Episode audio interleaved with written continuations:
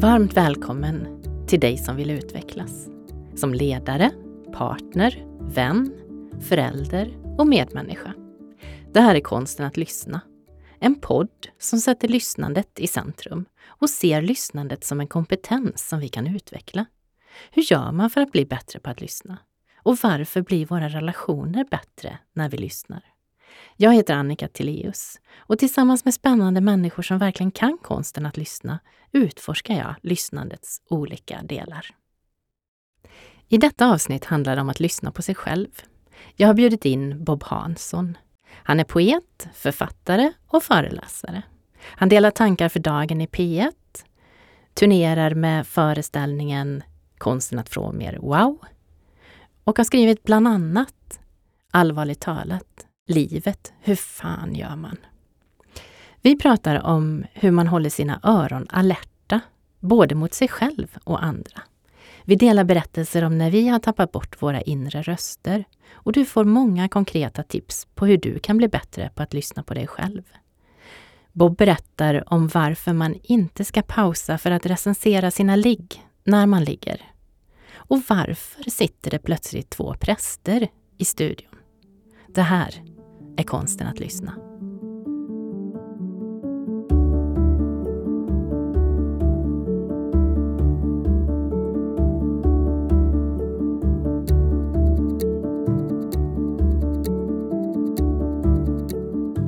Innan vi börjar så har jag en ritual. Och jag har en poddbön. Den går så här. Jag bjuder in den klokaste delen av mig till detta samtal.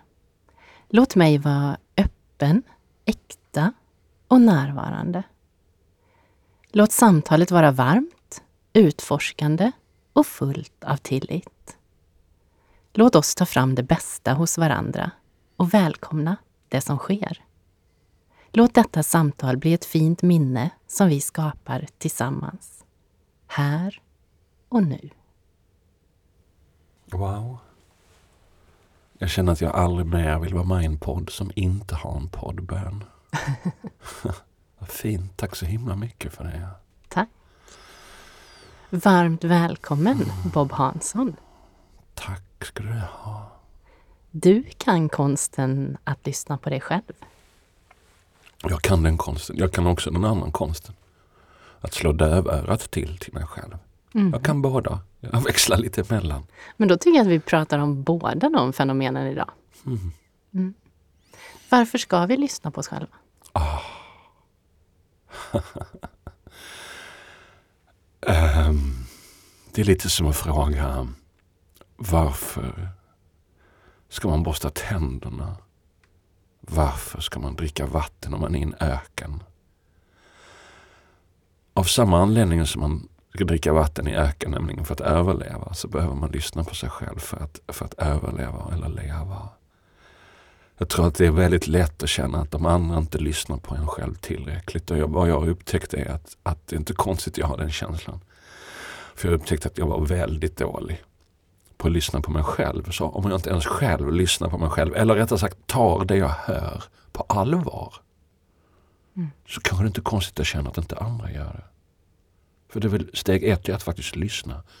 Vad säger jag? Vad säger det där inne? Men sen också ta den rösten på allvar. Vilket kan vara väldigt läskigt. Mm. Det är två svåra saker. Dels att lyssna och dels att agera på det. Ah.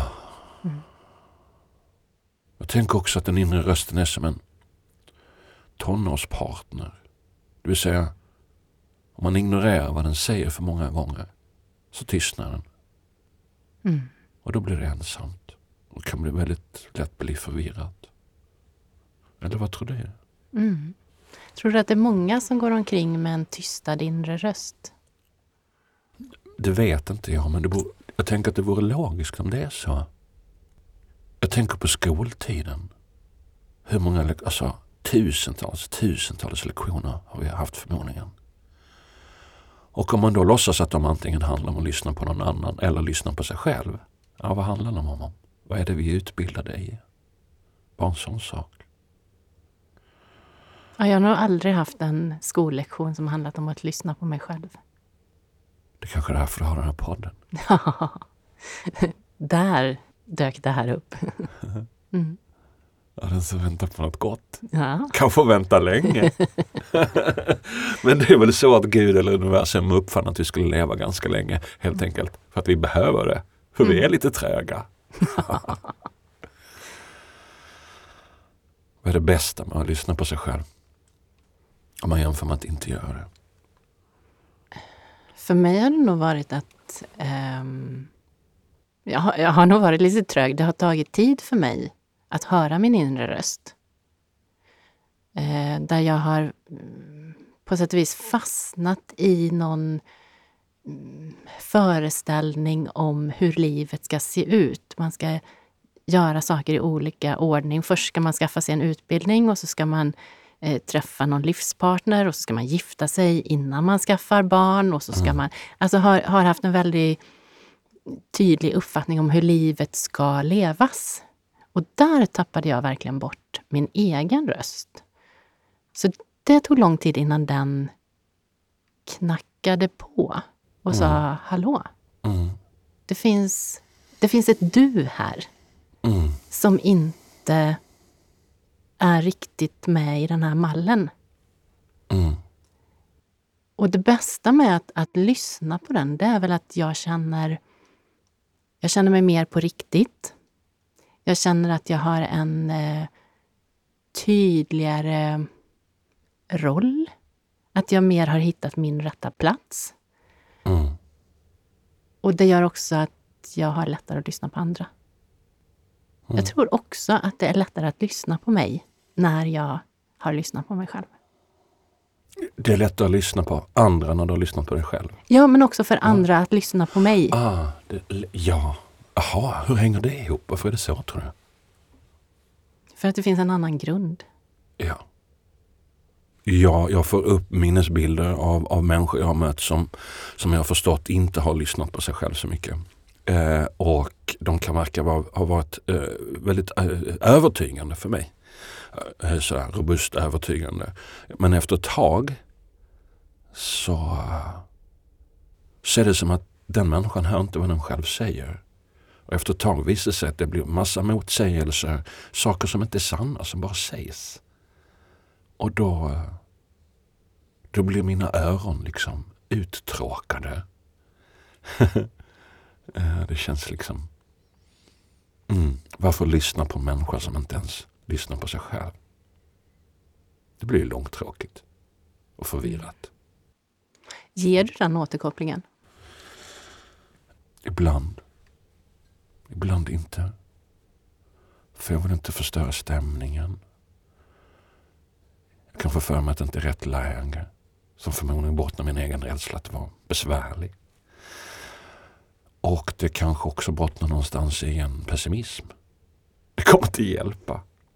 Det kommer förstöra stämningen helt i onödan så jag bara låter det gå på. Och det är inte en bra livsinställning alls. Den är inte alls funktionell. men, men jag är inte helt funktionell. Men du hör det i alla fall. Ja, ja, ja. Det är en väldigt bra fråga. Varför räcker man inte upp handen och säger jag känner mig ensam i det här mötet? Tänk att det är en form av kärlek att säga det. Mm. Du är viktig. Det här är viktigt för mig. Kan du vara snäll och sluta babbla för att jag... Möt mig här. Ah, så viktig är du. Hur gör du för att lyssna på dig själv? Det främsta verktyget för mig att hålla mina öron alerta, både mot mig själv och andra, är meditationen. Mm. För det är ju på något sätt, det blir aldrig helt tyst när jag mediterar, men mycket tystare. Och ju mer jag mediterar, ju tystare blir det. Och de minuterna om dagen behöver jag eftersom alla andra minuter den dagen är mer eller mindre fyllda av skval. Skvalet utifrån, fibblar med sin jäkla smartphone kolla på något på en skärm. Kanske något jättebra TED-talk eller bara löjlig tv-serie om folk som mördar varandra. Mitt eget skval. Gärna en yö, en skvalare. Man vill tänka upp till 60 000 tankar om dagen och det mesta är upprepningar. Och, så att några men, i alla fall några minuter av det andra Liksom som att mentalt sett så är det som att jag är på ett joggingband hela dagen, dagen efter dag. Mitt liv är på ett joggingband. Och i alla fall några minuter om dagen kliva ner från det joggingbandet. Det hör man ju att det är en bra idé. och för mig gör det en väldig skillnad. Mm. Och så skriver jag dagbok. Jag börjar min dag uh, efter meditation och kanske dusch och lite städning och sådär. Det första jag gör när jag slår på datorn är att skriva dagbok. Då kan jag fånga mig själv. Jag har varit med många gånger jag har ett jätteproblem, jätteförvirrat. Hur ska jag göra med det här? Det här vad vill jag? Vad vill jag? Och så skriver jag så bara, jaha, det var det jag ville, det var tydligt. På tio minuter. Mm. Så det funkar bra för mig. Vad funkar bra för dig? Ja, jag använder båda de verktygen, både meditation och eh, att skriva. För mig är det, handlar det om att skriva för hand i de lägena. Mm. Då kommer jag på något sätt närmare mig själv. Orden blir lite andra. Som jag inte riktigt når när jag skriver med, med datorn på det sättet. Mm. Ibland så använder jag andra personer. Att i samtal hitta mitt eget svar. När ingenting annat hjälper så har jag stora papper och färgpennor, kritor. Och så lägger jag det på golvet och så lägger jag mig på golvet och börjar rita eller göra mindmaps. Eh, för då blir jag en helt annan version än den här mer sitta vid datorn, plus och minuslistor, ja. Eh, uppe i huvudet. Nere på golvet med mm. stora papper så eh, blir det en annan del av mig som kommer till tals. Mm. Jag gjorde en lista, eller lista, det var ingen lista, men, men eh, det var kanske 25 år sedan som jag gjorde det här första gången och hade mina stora papper och färgkritor och låg på golvet. Och så skrev jag i mitten på pappret drömmar. Drömmar. Mm. Och vad drömde jag om? Och det var, det var sådana här enkla saker som att bo någonstans där jag har solkatter på väggarna. Att ljuset kommer in i min lägenhet. Mm. Eh, att bo med badkar, att eh, vara ledare, att jobba på engelska, att vara, åka till New York. Ja, det, var, det var liksom högt och lågt. Mm. Och plötsligt på det där pappret så står det präst. Mm. Mm -hmm. Och det förvånade mig jättemycket. För jag har inte en, en sån tro med mig. Mm. Och det där tog otroligt lång tid att förstå vad gjorde den där prästen ja, där? Herregud, då måste man väl tro på den där guden då, ja. Bibeln och så kanske? Ja. ja, och sen idag så kan jag se att mycket av det som är min bild av vad en präst gör, ja. det gör jag idag. Ja, och vad är det då? Ja, men att säga? prata, dels att stå med människor när livet är jobbigt. Mm. Att våga stå kvar i en tuff situation mm. och vara med som ett sällskap i det. Men också att, kanske inte predika, men, men att föreläsa och prata om någonting som jag tror på väldigt mycket. Oh. Så att någonstans så finns nog den där prästen oh. som dök upp i den situationen och som jag inte ens förstod vad han stod för, eller hon. Mm. Ja, funktionen präst. Ja. Inte, inte visitkortet präst. Precis. Ja. Eh, jag vet ju att religionen och konsten, jag, min bakgrund är ju som poet och kan känna igen mig i det du säger att folk kanske tror att jag är kulturarbetare men egentligen är jag en, en, eh, en profa, profan, eh, jag menar en sakral, nej, profan präst. um, och religionen och konsten uppstod ungefär samtidigt eller exakt samtidigt i människans utveckling. Uh, för länge sedan, för väldigt länge sedan, väldigt tidigt hände ju det. Och, och jag antar att både konsten och, och religionen besvarar samma fråga. Va, vad handlar det om? vad, vad, handlar det om? Den större meningen. Okej, okay, när vi har gjort upp elden, vad ska vi, varför ska vi sitta runt elden? Uh, vad, vad, är det om? Och människans, människans liksom uråldriga behov av mening. Där uh, religionen kommer in, konsten kommer in och förmodligen också sedermera Gucci-väskor. Så kan man välja lite där. Har du tips till andra? För du håller ju också kurser och en del av det handlar ju om att lyssna på sig själv. Precis, det är hälften skrivkurs och hälften personlighetsutveckling slash meditation. För det hänger ihop. Att lämna sig själv i fred, just den skrivbiten som eh, att lämna sig själv i fred. Att inte lyssna på sig själv. Att lyssna på sin berättelse. För att om man sätter sig och skriver så kommer någon sak att hända. Man kommer att tänka det här är inte tillräckligt bra. Andra har sagt det här före mig fast mycket bättre. Det här intresserar inte någon annan. Jag måste hitta på någonting annat och så vidare. och så vidare. Det är ofrånkomligen så. Om man skriver sin första bok eller tolfte bok som jag håller på med nu. Den rösten kommer. Då är uppgiften inte lyssna. Utan lyssna på berättelsen. Den där berättelsen där inne som finns där. Även om det är en faktabok så det du vill berätta det är din uppgift att vara lojal mot då är du skapande. Eh, den kritiska rösten, eh, som vi har någon märklig, är det någon röst vi hör där inne så är det väl den. Och det är helt fel. Det är dumt. Liksom. Den är väldigt viktig den rösten. Men i det skapande ögonblicket så får man välja. Man kan inte vara kritiker och skapande på samma gång. Det går inte.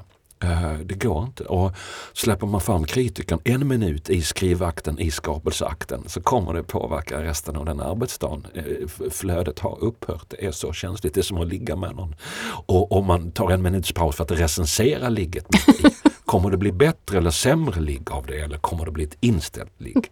Vi vet inte, men jag vet som, som lärare att när det kommer till skrivande så kan det vara förödande att lyssna på den där kritiska rösten man pratar om nobelpristagartorkan, att man får nobelpris och sen slutar man skriva.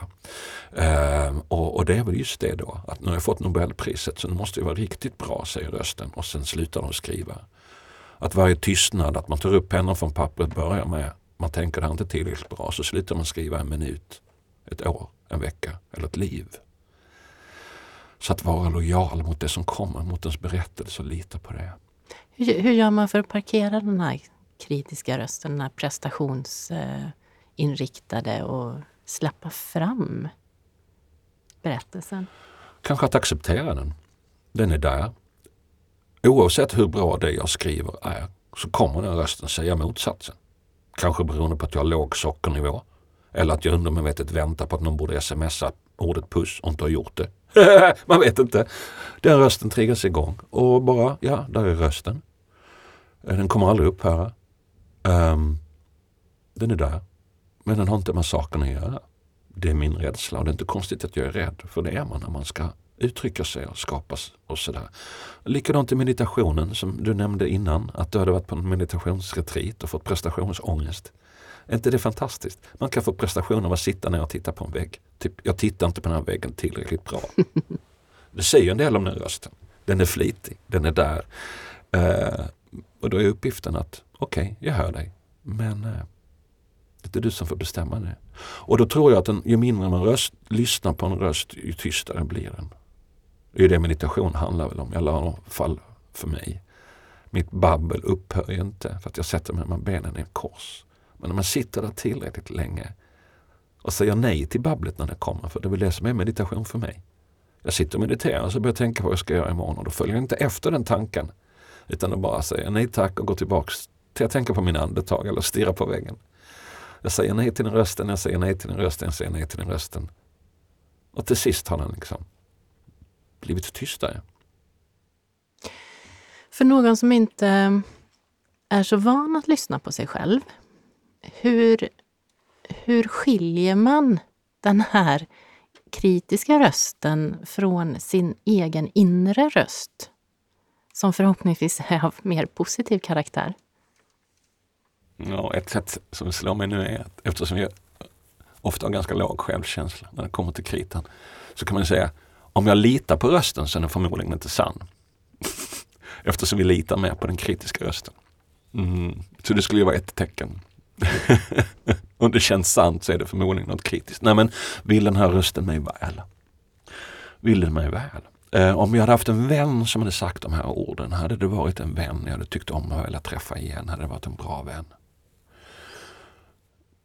att skriva ner det. Ibland så gör jag det att du sitter och skriver på en berättelse. När den där rösten kommer, skriv ner i marginalen vad den säger. Titta sen på de orden. Och om du hade haft en vän som hade sagt så. Eller om jag hade sagt så. Hade det varit schysst.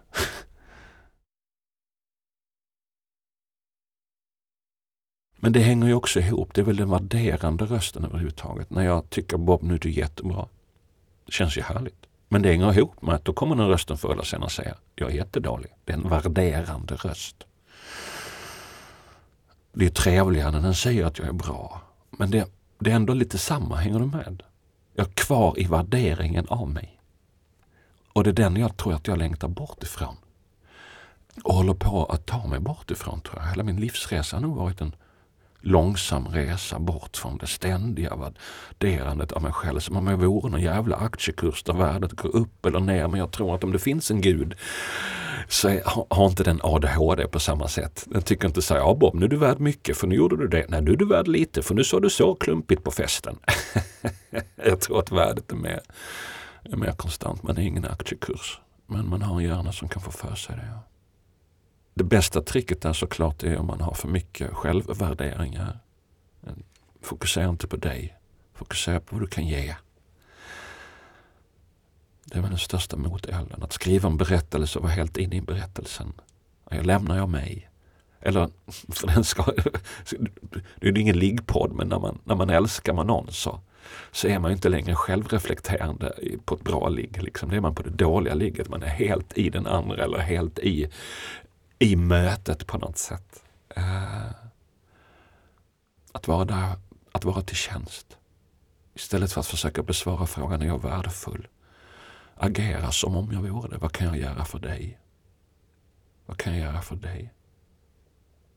Därför tycker jag om att kurser, för det är nog då jag tydligast lämnar mig själv. Bara förvandlas till ett verktyg. Det enda som är viktigt nu här är det de andras kreativitet och flöde och självkärlek och jag är bara här för att göra vad jag kan. För att, för att möjliggöra det. Och mitt ego somnar in Sen tar jag fram det på andra ställen. Liksom. När jag skriver så vill jag göra mig till. När jag uppträder kanske jag gör mig till. Men just när jag har kurserna är det så påtagligt att andra är där. Att jag är en tjänare. Jag behöver vara där, jag behöver vara där, jag behöver vara där, jag behöver vara där. Och då slipper jag mig själv. Och för mig är det en enorm faktiskt frihet. Det låter ju som en väldig närvaro. Mm. Precis, det gäller ju att stå på tårna. Det är väl lite som att vara i en hockeymatch på proffsnivå. Man, man, man har inte tid att värdera sig själv för man måste liksom uh, ha fokus på pucken. Eller hur? Mm. Att görandet, ehm, det finns det också forskning på att eh, det är inte insikter som förändrar ett beteende. Eh, men eh, ett beteende kan, kan förändra insikter på något sätt. Exempelvis man forskar på givmildhet. Så kan man läsa böcker om att det är bra att vara givmild men det är inte säkert att du blir mer givmild för det. Sen finns det människor som blir givmilda av andra anledningar. De har fattat att om jag är givmild så kommer jag få en bättre karriär eller vad det kan vara. Och sen ändrar de inställning till livet ifrån att tycka att jag måste prioritera mig själv och så har det börjat ge bara för att få egna fördelar och sen börjar de tänka fast det är viktigt att ta hand om varandra och få en ändrad attityd. Så att det är större chans att förändra sig genom att göra något annorlunda då än att, än att tänka annorlunda. Så att du som lyssnar på den här podden borde omedelbart sluta lyssna på den här podden om du vill bli en bättre lyssnare och göra något som uh, kanske. Ja.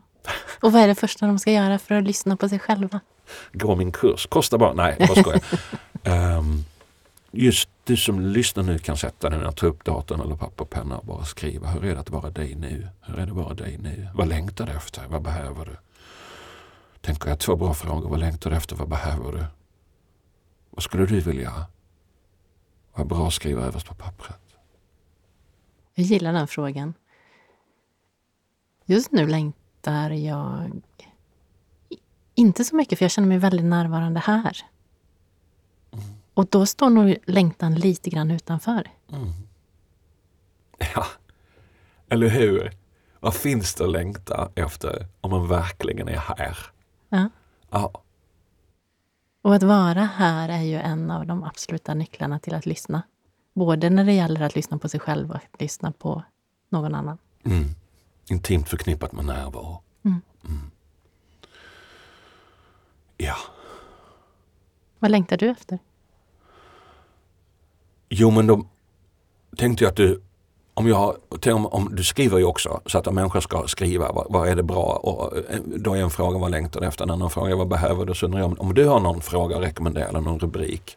Um, jag svarar gärna på din fråga först, vad jag längtar efter, vad du sa? Mer av det här. Mer av mig, mer av det här, mer av fina möten. Det är sån ynnest att sitta här med dig som är närvarande. Åh, vad skönt! Tack. Åh, så tacksam för det. Jag är tacksam för varje människa jag möter som, som har övat lite på att vara närvarande. Det blir så mycket härligare.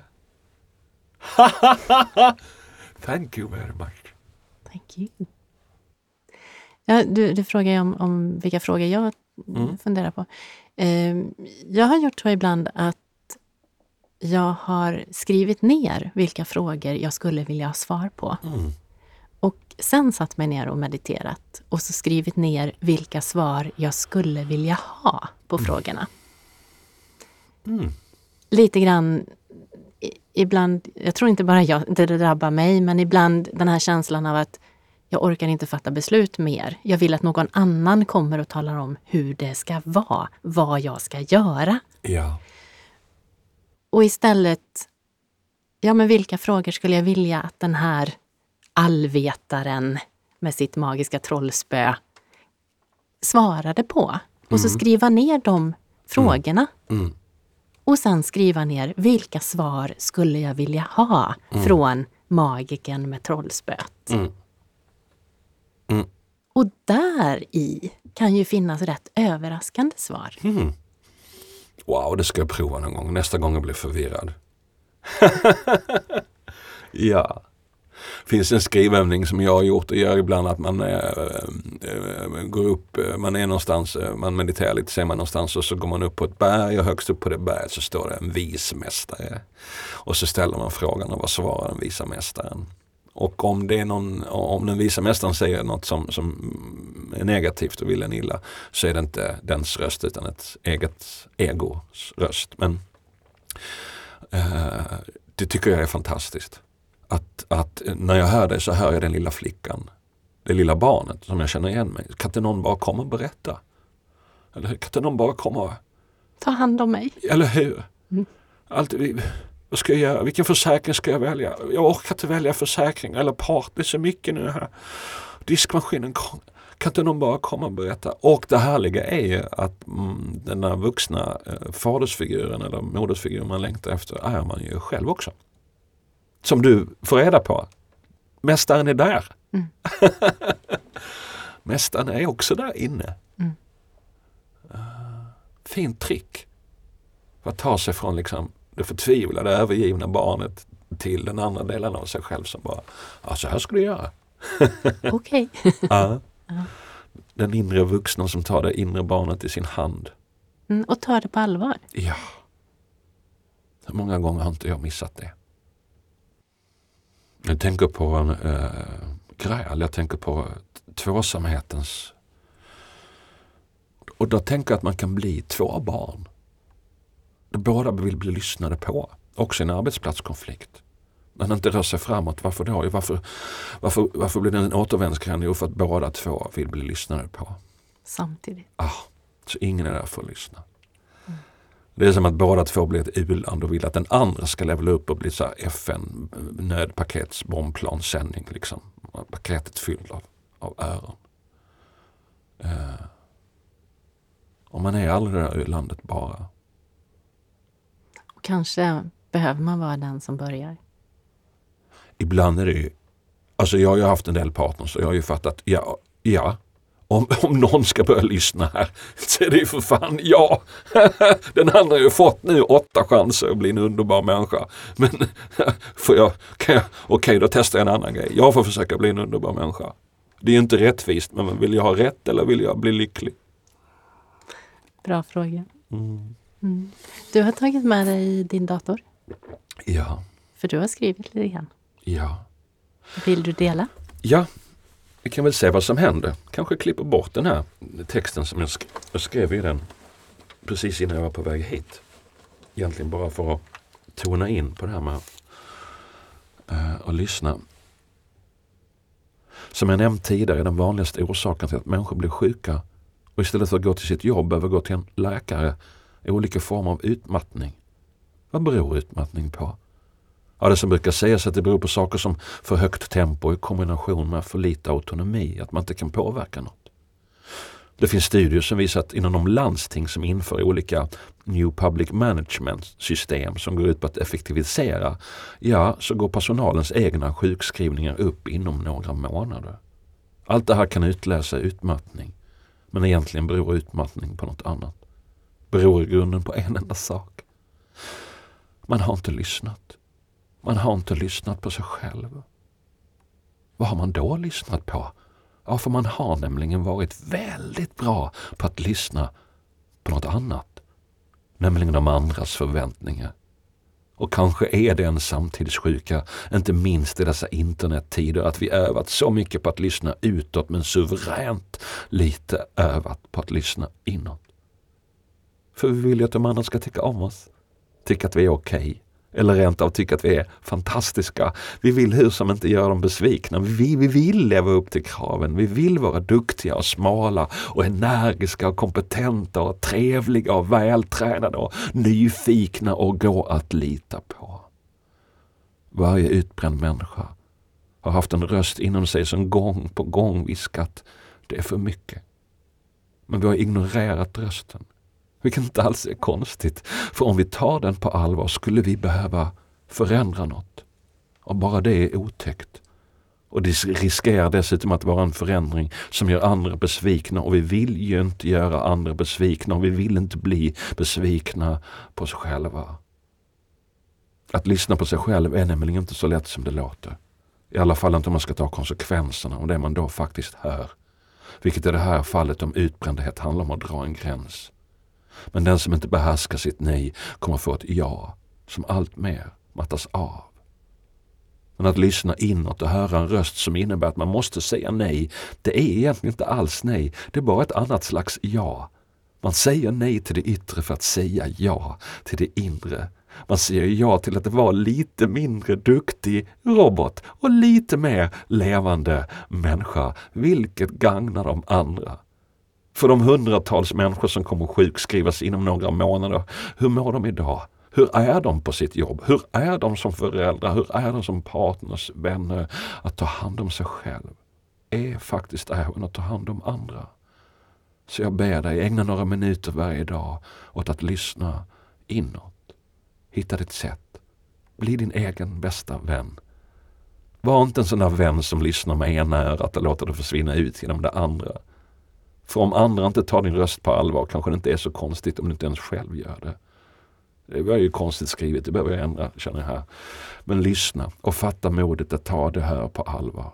Gör de förändringar du behöver göra för att maximera din stund på jorden för snart är den över. Och det finns ingen ångerrätt. Det är idag du bestämmer hur det ska bli. Grattis till det.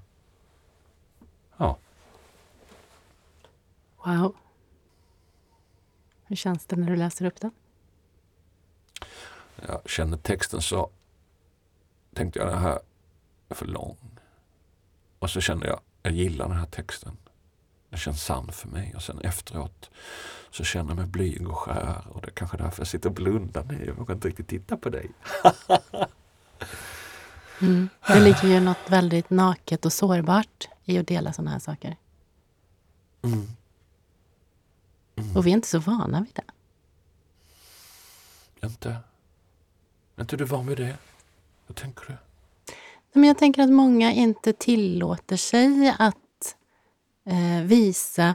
Man pratar om att man ska vara sitt bästa jag. Mm. Och per automatik så har det bästa jaget bara positiva egenskaper. Ja. Men när jag är mitt bästa jag mm. så kan jag vara sårbar. Mm. Så kan jag vara liten. Mm. Och det är okej. Okay. Och jag kan vara tillåtande, jag kan vara utforskande för att människor runt omkring ger mig den tillåtelsen och jag ger mig själv den tillåtelsen. Mm. Har det alltid varit så? Nej, det tror jag inte. Jag, jag, jag har ju verkligen varit i, i en lite begränsad låda och, och tänkt på mig själv som en huvudfoting där, där det mesta jobbet eh, har gjorts i, i hjärnan. Ja. Att det har varit viktigt att tänka och vara smart. ja. Så för mig tog det lång tid att hamna också i att kroppen Mm. ger mig hintar och eh, att jag kan börja lyssna på min kropp. Att det är ett sätt. Att den är många gånger väldigt omedelbar i jämförelse med processen som sker i huvudet. Känns det obehagligt? Känns det roligt? Mm. Är det ett pirr av ett förväntansfullt härligt sätt? Eller är det Nej! Ja. Det tycker jag är ett sånt jäkla bra, bra trick. Eh, jag har gått en, en, helgutbildning i eh, traumaterapi. Som om jag skulle bli en traumaterapeut. Ska jag inte bli. Men, men där var det en terapeut som heter Svagito som bara Lyssna på kroppen, lyssna på kroppen, är det sant i kroppen? Och, och jag har själv så här stöttande samtal med människor. Då är mitt verktyg kroppen. Känns det, här, sant? känns det någonting i kroppen? Nu säger den här människan, om det inte känns någonting i min kropp, det är förmodligen inte sant. Och då är det inte viktigt och då får man ta reda på vad, vad det egentligen är. Liksom. Istället för att försöka, eh, mitt huvud skulle kunna gå med på att allt den säger är viktigt. Eh, därför litar jag mer på min kropp. Och vet du vad som hände mig i förra veckan för bara några dagar sedan? Min tjej gjorde slut. Och, eh, och det har varit de stora smärtorna i mitt liv. Att bli övergiven och lämnad och allt det där. Den här gången blev det inte det. Eh, utan jag eh, blev omtumlad eh, en stund. Och så, och det finns en sorg eh, för att det vi hade var också så väldigt, väldigt vackert. Men jag kände det sant. I kroppen alltså. I hu- huvudet kunde jag rabbla upp massa argument för varför det inte borde vara slit. Men i kroppen så kändes det sant. Tyvärr är det så här det ska vara. Uh, hon, hon har rätt. Men, men hennes ord var ju helt ute och reste tyckte jag. De, litade inte, de var helt, det var inte ett sant ord. Tror jag, förutom ordet pu, som jag upplevde det. Det var, det var bara massa annat som jag upplevde det. Uh, um, uh, så hade jag bara stannat där i hennes ord och mött dem med mina ord så kanske det varit, kanske jag inte hade kunnat komma hit idag för då kanske jag hade varit så ledsen. Eller så hade jag kommit hit och behövt fejka någonting. Men nu, nu blir det väldigt liksom, alltså lite svartvitt. Är det sant? Är det inte sant? I kroppen blir det väldigt sant. Det är ledsamt men det är sant. Väldigt tydligt. Det är vad jag försöker komma till. Att kroppen kan prata så mycket tydligare. Och att den förstod. Vad sa du? Den förstod. Ja, den visste liksom. Hur känns det? Hur känns det nu? Jag känner mig väldigt tacksam över att eh, över att jag har gjort allt jag har gjort så jag kan komma till den punkten att jag hanterar en, eh, ett nej, en besvikelse, en dumpning, en förlorad gyllene framtid som jag skulle kunna fantisera om. På just det här sättet. Wow, liksom. När du känner så, vad behöver du från andra människor runt dig då? Den frågan. Det kanske allt jag behöver. Att någon frågar, kan jag göra någonting för dig? Och så behöver jag vara tyst en stund och verkligen ta in den frågan och inte omedelbart svara nej. Det är...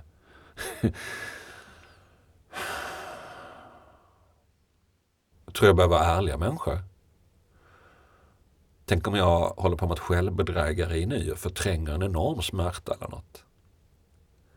Eh, då behöver jag vänner runt omkring mig som kan säga att det är det jag säger till. Liksom. Det kanske finns en sorg Bob som du faktiskt behöver ta hand om. Exempelvis. Den första jag pratade med var mamman till mitt barn, mitt ex-ex liksom. Och hon bara, får jag bjuda på middag? Och det har hon typ aldrig gjort. Är inte så att vi går ut och äter middag annars. Eh, Då gjorde vi det. Då insåg jag, gud vad hon var klok. Vilken snäll och generös människa. De finns där.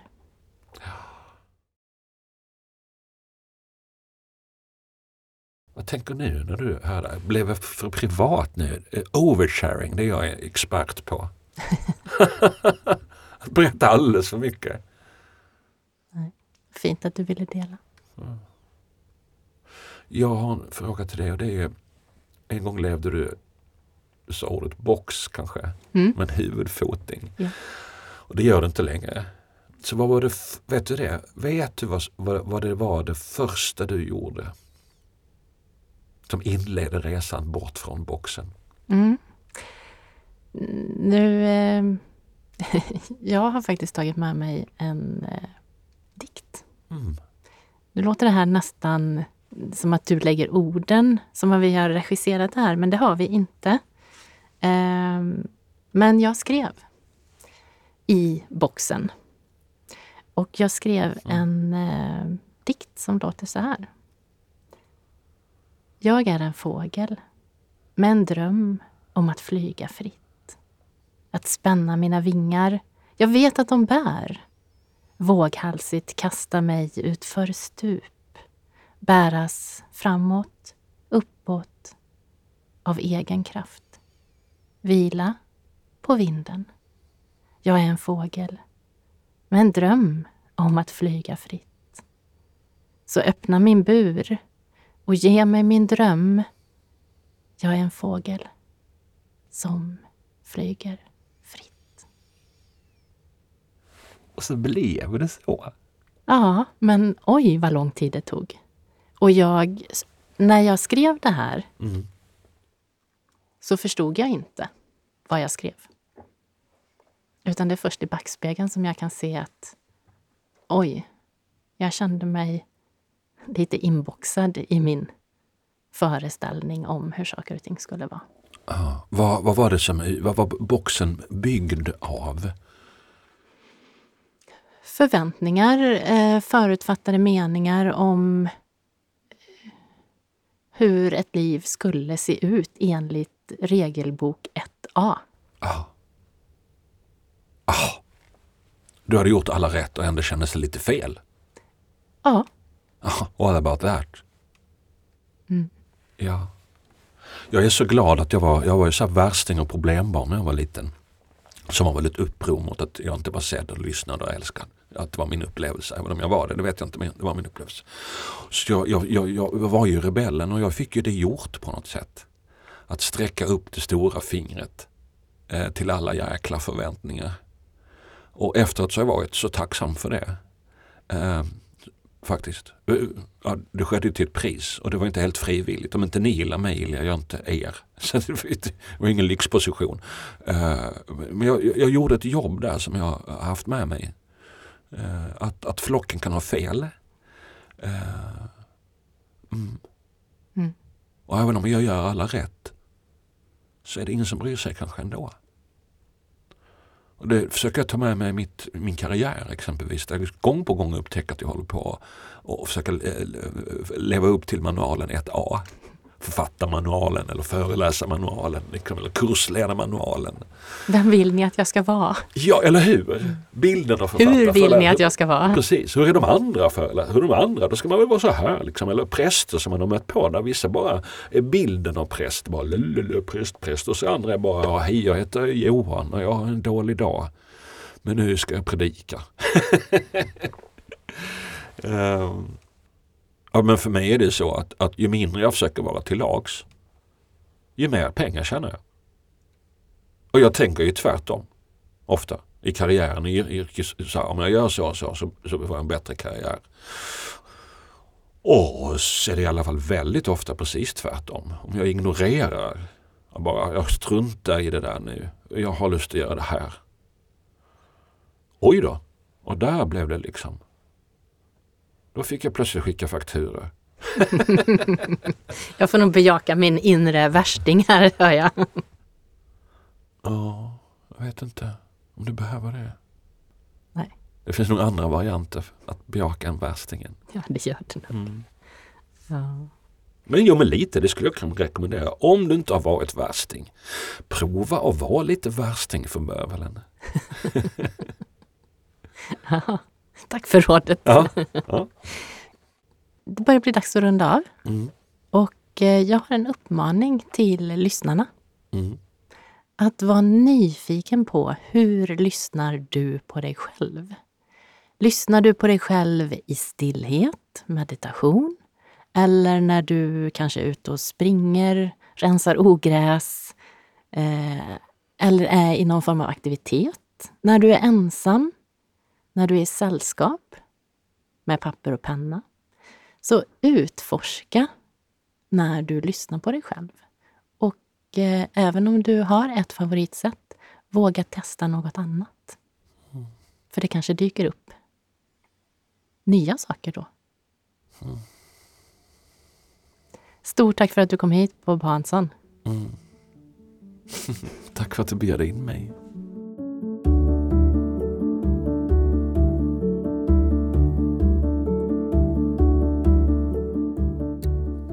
Bob och jag pratade om att våra bästa jag har både fel och brister. Vi tipsade om hur skrivande kan vara ett sätt att lyssna på sig själv och vilka frågor som hjälper oss att komma igång. Vi pratade om att det inte går att vara kritiker och skapande på samma gång. När du lyssnar på dig själv blir det lättare för andra att lyssna på dig. Tänk på det när du möter Bob, annars kanske hans öron blir uttråkade. Hur kan du öva på att vara närvarande i mötet med andra och i mötet med dig själv? För mig var det här samtalet som ett äventyr. Det kändes både naket och sårbart att dela tankar, funderingar och texter. Tillsammans utforskade vi drömmar och längtan, uppbrott och att leva enligt regelbok 1a. För att återknyta till poddbönen så var det ett samtal som var varmt och närvarande. Tack för ett fint minne. Konsten att lyssna finns både som bok och podd och görs tillsammans med Bazar förlag. Alla avsnitt i säsong 1 finns i Podplay-appen och på podplay.se. Självklart helt gratis. För att alla ska kunna lyssna finns avsnitten även textade på konstenattlyssna.se. Vill du ha bonusmaterial och diskutera avsnitten så gå med i Facebookgruppen Konsten att lyssna.